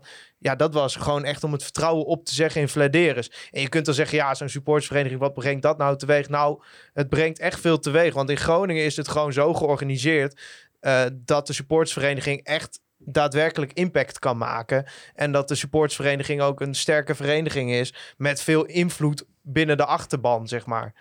Ook omdat een, een eh, aanzienlijk deel van de achterban is aangesloten bij diezelfde supportersvereniging. Dus dit soort stappen, ja, je staat toch als supporter een beetje machteloos toe te kijken hoe mensen waar je misschien zelf, en in mijn geval niet misschien, waar je zelf het vertrouwen al in hebt opgegeven, eh, weer domme beslissingen ziet maken, zeg maar. Ja, dan is het gewoon fijn dat je een orgaan hebt dat gewoon aan de bel kan trekken.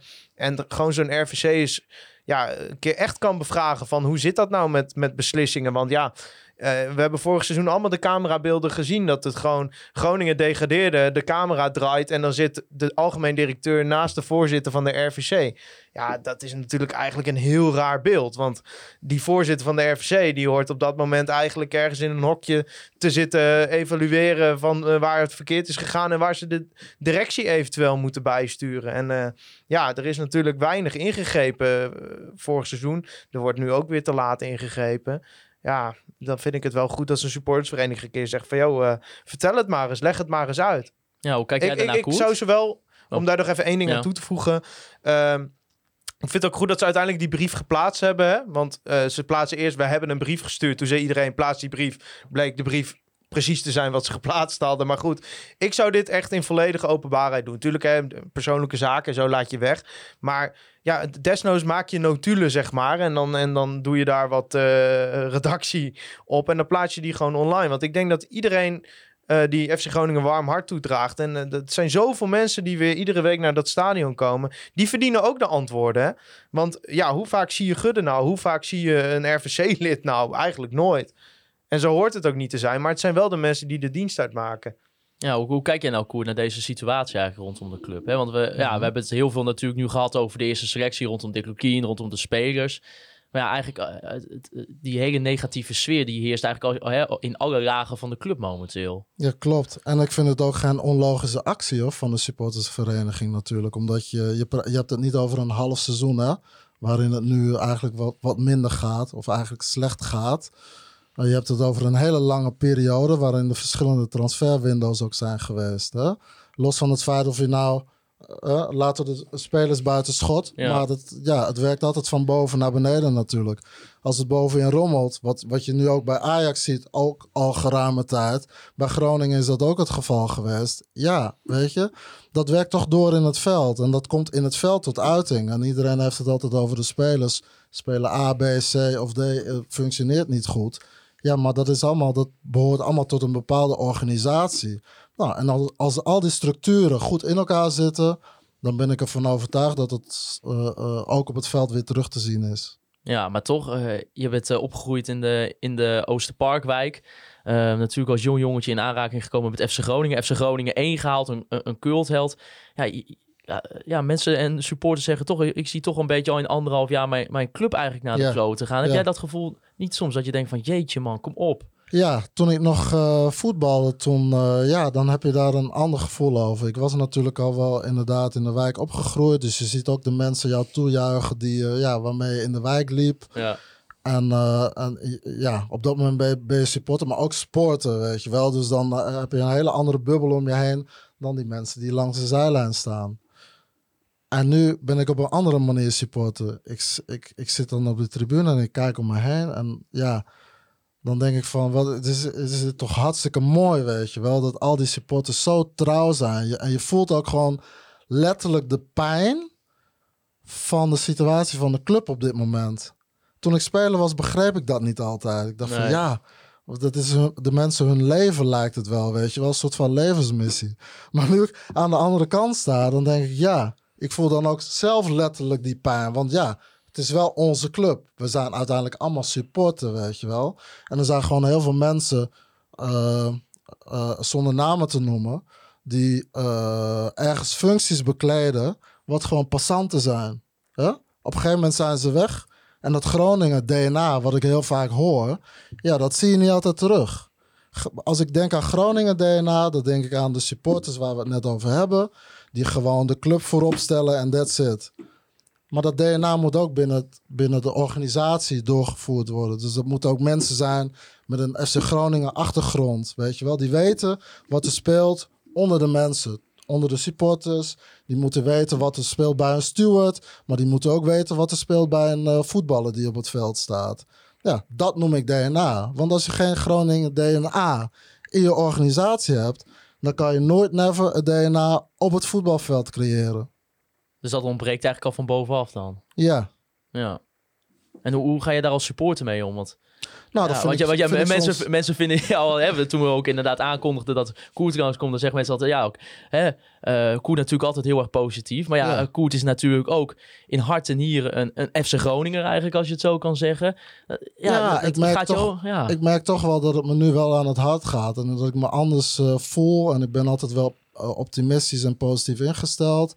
En dat blijf ik nog steeds hoor. Maar ik, ik voel dan wel ja, dat ik denk van, nou weet je. Eh, mensen als Arjan Robben bijvoorbeeld. Ik bedoel, hij heeft regionaal aanzien. Hij heeft nationaal aanzien. Hij heeft internationaal aanzien. Ja, ik, ik, zou er, ik zou er alles op alles zetten om zo'n man in de organisatie van FC Groningen neer te zetten. Ja, en geef hem hier en daar maar eens vrijbrief, weet je wel. Want de man heeft gewoon de nodige kennis in huis. Dan denk ik, ja, je laat het dan toch ergens liggen. Het kan zijn dat hij ergens zelf misschien niet wil. Maar ik denk dat als alle voorwaarden op- eh, goed gecreëerd zijn, dat hij de man is die moet instappen. ja. Ja, Dus dat hij heeft gewoon. het Groningen DNA. Nou, en hij heeft ook de capaciteit, denk ik, om de boel ook weer op de rit te zetten. Dus En eigenlijk, dat, dat, dat, dat kan hij natuurlijk niet alleen. Maar ik denk wel dat hij in staat is om met een bepaald team, met mensen om zich heen, om dat weer terug te krijgen. Maar ja, dan, dan is toch eigenlijk een beetje toch wel de conclusie dat, je- dat je bovenin de club, hè, eh, op, op, op dir- directieniveau, dat, dat daar toch dan vervanging voor zou moeten komen. In, in, in- een vorm van een Arjen Robben, maar natuurlijk dat, dat, kan, eh, dat is ook een beetje functieafhankelijk. Maar, Ja, nou ja, inderdaad, het is functieafhankelijk. Ik, ik wil niet zeggen dat, dat op die positie moet iemand weg Nee, en daar moet iemand komen. Maar ik denk, ja, je zou toch gek zijn als je zo iemand in huis hebt. Weet je wel? Dat je daar geen gebruik van maakt. Nou, en dat is maar één aspect. En zo denk ik dat er nog veel meer jongens. Hè, als je dan ziet hoe bepaalde jongens hier zijn weggegaan. Bijvoorbeeld een, eh, Michael de Leeuw of zo. eh, nou, dan heb ik bijvoorbeeld... nou, dat is een jongen met een goede kop erop. Eh Gibril Sanko, weet je wel. Dat zijn allemaal jongens die ja, Groningen een warm hart toedragen. Ja, zorg ervoor dat die jongens in je organisatie ergens een functie krijgen. Zodat je die identiteit, dat Groningen-identiteit, wat de supporters hebben, dat je dat ook weer terugziet in de organisatie. En als dat op een goede manier samenvloeit, dan heb je weer een club FC Groningen. Het is eigenlijk een beetje te koud. In zekere zin wel, ja. Ja. Ja. Ja, Thij- Thijs, hoe, hoe, hoe, zie, hoe zie jij dat? Want nu inderdaad, nou, dat gesprek met de RVC eh rijkt Ja. dan eh, te gaan komen. Verwacht jij ergens al in de komende periode daar ook al een consequentie aan? Of is dat ook een beetje afhankelijk van hoe, hoe die gesprekken zullen gaan lopen natuurlijk? Nou ja, Maar- kijk, eh, weet je, je, je, eh, als je bij FC Groningen komt en je sociale netwerk voor een deel rondom FC Groningen, je hebt het er altijd met elkaar over en die geluiden, iedereen heeft dat gevoel, zeg maar. En dat is natuurlijk altijd inherent aan als het op het veld minder gaat, dat je, dat je gevoel bij, bij een organisatie minder wordt. Maar ja, je, je, ik vind wel dat je helemaal gelijk hebt, zeg maar. Het is, het is Nee, het is- uiteindelijk... het is altijd de, mensen ja. maken de club, hè? Ja. Dat, dat is het gewoon. En, en ehm, kijk, die mensen op de tribune, eh, dat zal altijd de reden zijn, tenminste voor mij, om naar FC Groningen te gaan, weet je. Dat is ook de reden dat wij woensdag gewoon weer in de auto naar Rijnsburg stappen. ja, dat doe je inmiddels echt niet meer voor die spelers of voor het voetbal of zo. Ja, en dat moet aan mensen die het niet begrijpen ook uitleggen of zo. Maar dat is gewoon een wezenlijk onderdeel van je leven. En ik vind wel, en daar ben ik het helemaal met je eens, dat in, in zo'n organisatie moet je in ieder geval op hoge posities 1, 2, 3 mensen hebben die dat gevoel ook hebben. Weet je, er zijn echt wel mensen in de organisatie bij FC Groningen die na een wedstrijd helemaal naar de kloot zijn, net als een supporter als er verloren is. Ja. Maar dat echte gevoel dat je eigenlijk je niet hoeft te informeren om te weten hoe het zit. Want kijk, zo'n Wouter Gudde die informeert natuurlijk wel hoe het onder de supporters gaat. Hè? Daar is ook zo'n supportersoverleg wel voor. Maar eigenlijk moet je daar iemand hebben die dat gewoon van tevoren al weet. En ik zeg niet dat, dat Gudde daardoor niet goed is voor zijn positie. Maar soms mis ik wel eens naast Gudde een soort voorzitter, soort, soort uithangbord naar buiten. Van dat is gewoon iemand, weet je, als je aan FC Groningen denkt, dan denk je aan die. En dan mogen degenen die eh, operationeel het beleid uitvoeren. Ja, eh, van mij hoeft er niet Groningen of provincie Groningen in je paspoort te staan. Maar in ieder geval weten eh, waar deze club vandaan komt, waar deze club voor staat. Ja, daar ben ik het helemaal mee eens. En ja, Arjen Robben, dat is volgens mij, ja, weet je, al, al wil die de, de, de stoep vegen, moet je hem al in dienst nemen. Volgens mij is dat een no-brainer. Ik vind dat altijd wel mooi. Bij, bij Bayern bijvoorbeeld doen ze dat heel erg. Daar zitten eigenlijk op bijna alle belangrijke posities zit altijd wel iemand wat gewoon een Bayern Ja. München man Ja. door en door is. Ja. En eh, bij Duitse clubs zie je dat sowieso wel meer. En ik, ja, je kunt dan altijd, ja, is Arjen Robben capabel genoeg om directeur te worden? Ja, maar je hebt in principe dan maar iemand naast hem nodig die zijn tekortkomingen dan misschien kan invullen. Maar je hebt dan wel gewoon Arjen Robben in je organisatie, Ja, weet maar je wel. weet je wat voor aantrekkingskracht dat, dat Ja. heeft? Weet je, ik bedoel, alleen gaan ze met de speler praten die hier, dat maakt het verschil Ja. of een speler komt of niet komt. Ja, maar dat, dat, dat was ook gewoon, zeg maar, nou, het was toevallig, wij moesten vandaag bij het trainingscomplex zijn en, eh, en, en om, eh, om, om dat cadeau van de club op te halen. Ja, dan zet je je auto neer en dan komt er iemand aanfietsen en dan was, in de verte zagen we een kale gedaan. Dus ik voor de grap tegen Maarten, hey, dat is Arjen Robben. Maar het was hem ook echt. Ja, toch geeft het je als supporter elke keer weer een warm gevoel. Want je denkt, ja, je, je, die, die beelden van die Champions League finale die die beslist schiet door je hoofd. En dan denk je van ja, maar die is- gaat nu gewoon eh, op zijn fiets naar het trainings... Op de fiets moet je er altijd bij zeggen. Ja. Gaat op de fiets eh, naar het trainingsveld om daar dan de onder 18 assistent trainer te zijn. Denk ik van ja, weet je, dat soort mensen, dat is gewoon hoe je het went of keert goud waard. Ja, Voor dat- het aanzien, al Ja. heeft hij een mascottefunctie, hè? Al, al loopt hij door de businessclub om een aantal spon- potentiële sponsoren hand te geven. Ja, ze tekenen toch wat sneller. Ja, je ziet dat in Volendam eh, met Jan Smit ook, weet je wel. Ja, ik denk dat het beleidsmatig genoeg op Jan Smit aan te merken is. Maar ja, de manier waarop hij door zo'n, ja, dat zie je in die documentaire, door zo'n businessclub heen loopt. Dan denk ik, ja, dat, dat is gewoon eh, hier handdruk 20.000 euro, daar handdruk 20.000 euro. Ja. Nee, maar Zo ook, dat wel, eh, en, dat, en dat niet alleen, weet je. Ik ben, ik bedoel, ik ben een eh, tijdje geleden bij Mohamed Allah geweest, Ja. RKC. Nou, die heeft twee keer een eh, mindere begroting dan Groningen. Ja. Maar als je dan ziet hoe, dat hoe dat daar georganiseerd is, Ja. weet je wel, met spelers, met normen en waarden, met, eh, ja, met, met, met, met elkaar leren kennen, weet je wel. Gewoon, en ook de organisatie, hoe die staat. Topdirecteur Wie- wie- hebben die ook, hè? Ja, maar dat denk ik, ja, Ja. ja, dat is hoe het hoort. Gewoon dicht bij jezelf blijven, weet je wel. Je kan, je kan wel door willen groeien als club. Natuurlijk hebben we allemaal doelstelling om richting die subtop te gaan, Ja. Eredivisie. En iedereen wil willen aanval doen op die top 3, zal maar gezegd.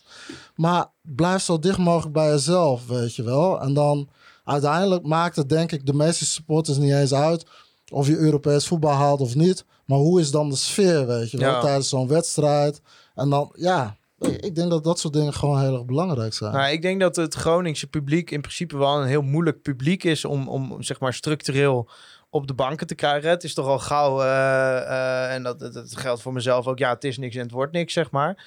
Maar toch is het aan de andere kant ook wel vrij makkelijk om de mensen op de bank te krijgen. Want als je gewoon het gevoel hebt dat je een, een, een team op het veld hebt waar je mee kan identificeren, misschien een trainer langs de lijn, Mhm. ja, dat, dat helpt toch mee, weet je. Ik had dat zelf, eh, dat geef ik ook eerlijk toe, ook met Danny Buis bijvoorbeeld. Ja, daar werd je toch wat minder makkelijk boos op. Omdat je gewoon, ja, uit interviews, maar ook de manier waarop die zich naar buiten presenteerde, dacht van ja, maar ja, die geeft er wel alles voor. Ja. En dat is, het is, ja, nou ja, het is een Feyenoorder, maar dat is ook gewoon een FC Groningen man in principe. Ja, ja. Dus Ja, het is en- heel en- gek wat dat doet, zeg maar, met je perceptie. Mind, ja. ja. En, Ja. Maar eh, ja, en ergens is het ook weer heel simpel, hè, want we gaan allemaal naar voetbal kijken om wat te zien. ja, goals, vermaak. Amusement. Ja, Ja, dus het hoeft niet al, eens altijd goed te zijn. Nee. We gaan naar het stadion voor amusementswaarde. En als dat hoog is, dan gaat iedereen tevreden naar huis. Want iedereen heeft ook nog tegenwoordig op de vrijdagavond een gezellig avondje. ja. Eh, we kregen, en eh, voor jezelf dan, Koert, want we kregen nog een luisteraarsvraag van eh, Sander Willem. Die vraagt of Koert nog wel iets weer voor de FC zou willen doen. Volgens mij wij spraken elkaar ooit eerder voor een podcast voor FC Groningen. Toen zei je dat je dat op dat moment nog wel nou, als ambitie zag. Hoe is dat tegenwoordig?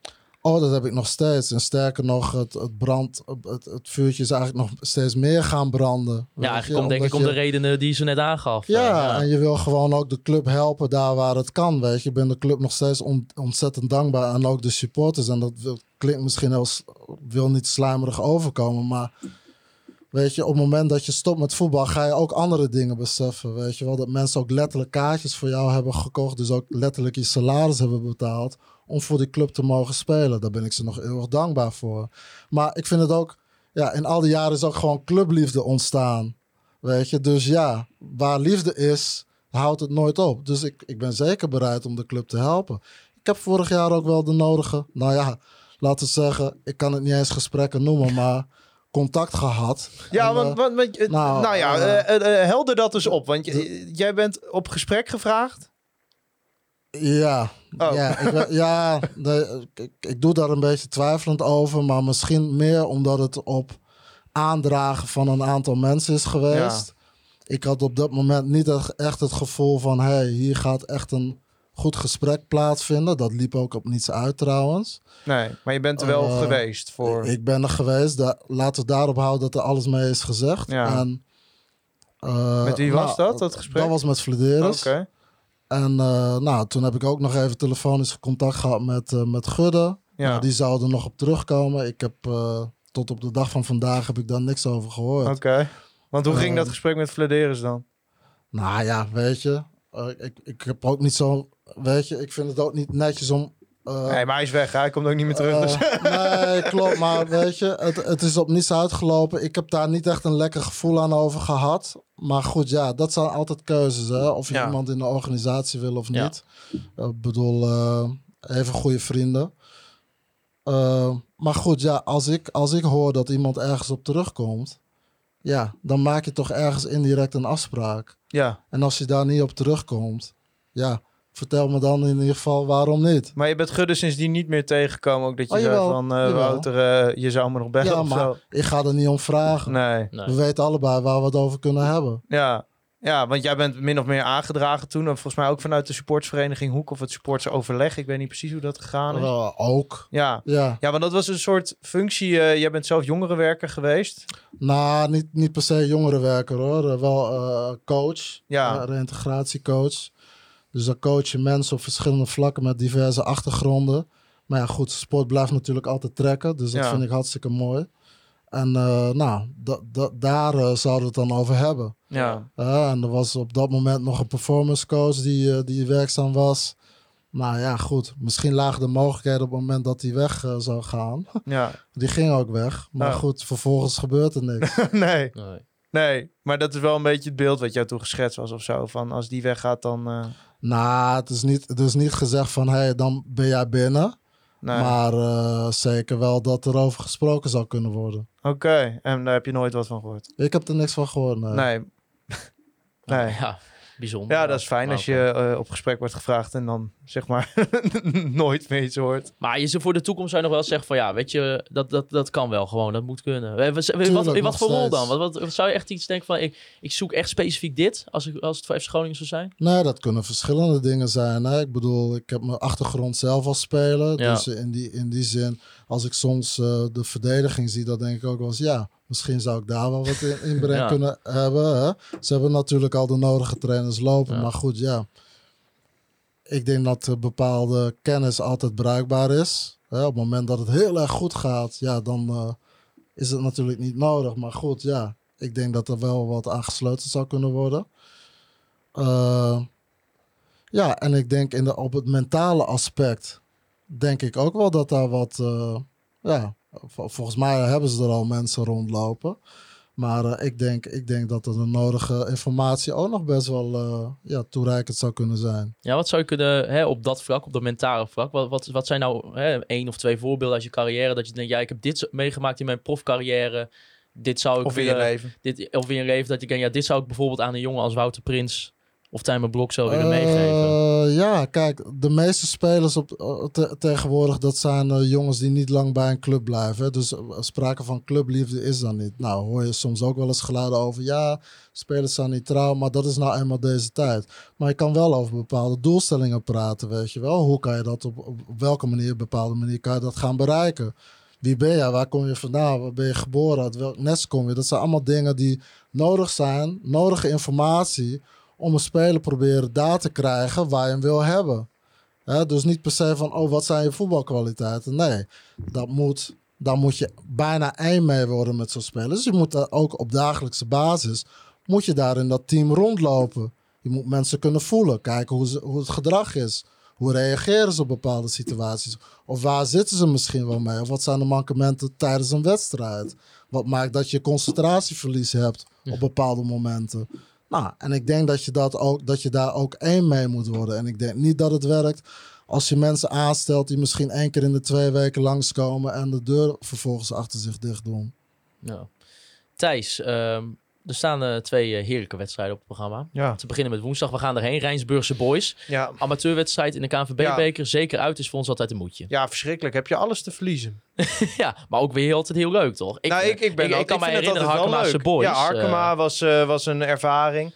Maar ik vind, eh, ja, die, die uitwedstrijden in de KNVB-beker amateurclub, weet je, je komt dan, ja, we komen dit jaar wel vaker in stadions waar we nog nooit geweest zijn. Maar je komt op complexen met geïmproviseerde uitvakken, met gewoon eh Jannie die, die overdag achter de kassen zit in de supermarkt, die dan vanavond even vrijwilliger achter de, achter de bar is van, de, van, de, ja, van, het kantine, uitvak. Ja, eh. Hè, we, in Harkema was er iemand die zei van... ja, jullie mogen geen alcohol langs het veld... maar als ik de cola Berenburg gewoon in een colaglas schenk... dan ziet niemand het ja. Weet je, dat soort dingen, zeg maar. Dat is gewoon eh, ja, waar je het voor doet, toch? Dat, dat is gewoon eh, elke keer een ervaring. Rijnsburg, hè. Je- ja, je gaat er waarschijnlijk nooit meer komen daarna.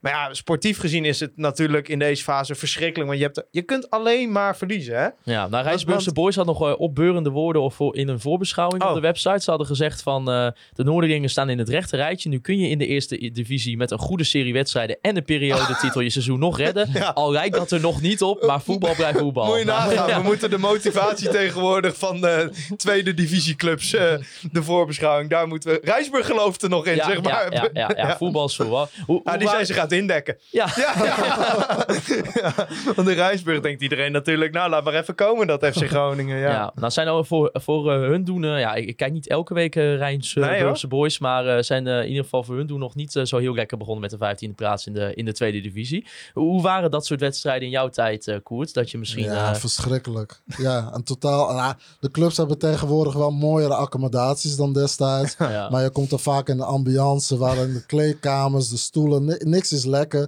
De douches zijn niet eh, perfect. Eh, maar dat is iets voor na de wedstrijd natuurlijk. Maar goed, eh, slechte verlichting had je destijds nog. Knollenvelden.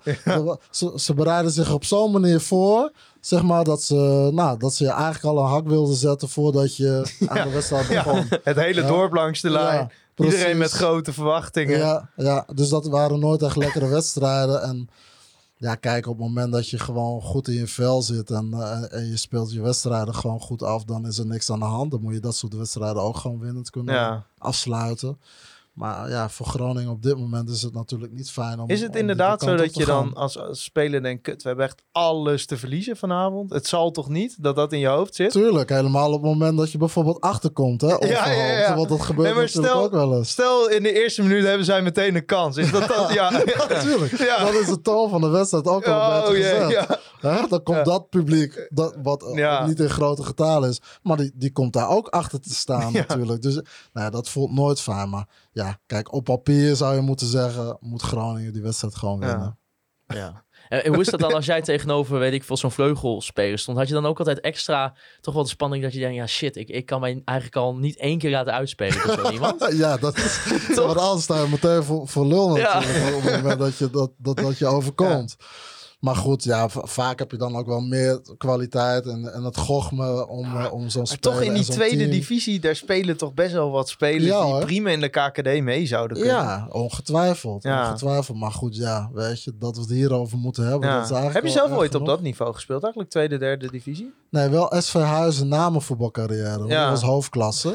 En dat was Ja. gewoon een beetje afbouwen. Ja. Met, eh, met eh, vriend spelen. Goed dus, betaald. ja. Of, Ja, mag je niet over praten. Ja, ja. Nee, maar nooit tweede, derde divisie gespeeld. Nee, nee, nee, nee, nooit gespeeld. Ah, ja, ja je, je hebt best wel wat voetballers die op een gegeven moment denken van ja, ik kan nu wel in de KKD Ja. voetprof zijn voor 40.000 euro per jaar. Of eh, ik kan nu naar de tweede divisie toe voor 60k en dan kan ik er nog bij werken. Ja, Ja, precies. ja. Ja, ik snap het wel. Ik zou het wel weten. Ja. Ja. je hebt toch die gast van Spakenburg gehad Ja, die gewoon die naar FC uit. Groningen kon. Nou, ik denk dat hij nu iedere week eh, nog meer achter zijn beslissing staat. Maar Ja, of had misschien nu wel kansen Ja. ja, ik wou zeggen, had hij niet op de plek van Lien gestaan. Ja, nee, ik weet bijvoorbeeld, eh, je had het over dat uitspelen van de back. Ik weet dat toen eh, Vince Gino Dekker vorig seizoen bij Spakenburg, ik denk dat daar nog steeds naar hem op zoek is. Dat is echt ongelooflijk. Die speelde helemaal naar de kloten, ja. Ja, ja je moet toch niet te min over dat niveau praten, Denk ik hoor. Twee, ook tweede divisie, derde divisie is ook nog wel een verschil. Ja, Ja, en Rijnsburg is, eh, ik heb het natuurlijk onze grote vriend Dimitri, eh, die weet er wat meer vanaf. Maar Rijnsburg is een ploeg die normaal gesproken echt, eh, nou, hij noemde het zelfs een sleeping giant in de amateurwereld. Ja. dus eh, ja, dat wordt echt een moeilijke avond, ben en, ik bang. En tegen profclubs gaan ze als de donder. Ja. Ja. Dus, Ja, maar dat is de van ellende, aan. Ja, ja, dat is ja. een wedstrijd van hun leven. ja, maar ze weten in. Rijnsburg natuurlijk ook allemaal van de situatie in Ja. Groningen.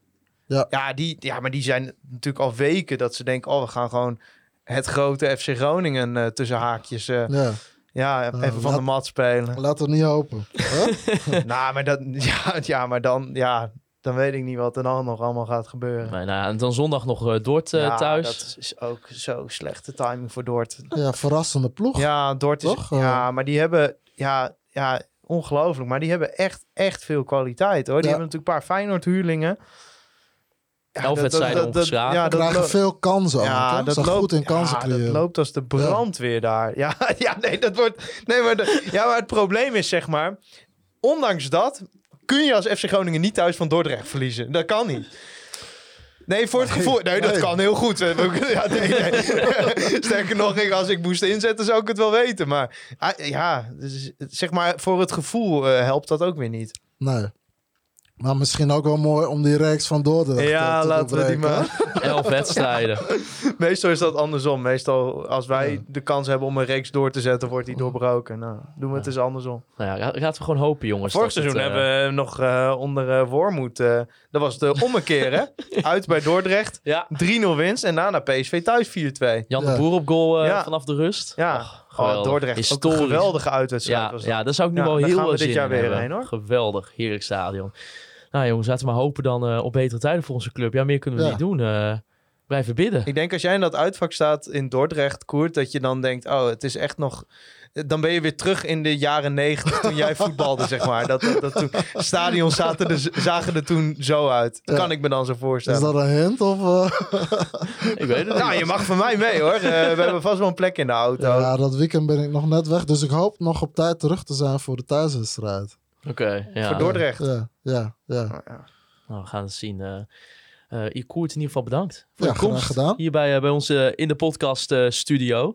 Eh, Thijs, jij ook bedankt dat jij hier bent, ondanks eh, de 56 Hey, kilometer. jij ook bedankt Maarten dat je 56 kilometer met mij hebt volgehouden. Dat Geen moet ook zwaar geweest zijn. Ja, ongelooflijk. Nee, Ja. nee, je hebt, je hebt niet zo lopen miepen als ik dacht. Je hebt je echt heel keurig en sterk gehouden. Af en toe even bushokje, even. Wat noemde ik? Ik, ik zei altijd: opa moet even vijf Eén minuten mi- opladen. ja, nou, en, en daarna liep je weer 10 Ja, kilometer. Dus, als de eh, brandweer. dus eh, geweldig. Eh, ja, blijf vooral ook nog even doneren. Ja. Eh, de donatie blijft nog openstaan op de GoFundMe. Dus mocht je toch nog wat geld kunnen missen voor de stichting, laat ons weer eens samen juichen. Doe dat vooral. Eh, jullie kunnen ons volgen op, eh, op alle platformen. Zowel Facebook, Instagram, Twitter. Natuurlijk alle streamingplatformen. En laat daar ook even nog een, eh, een recensie achter.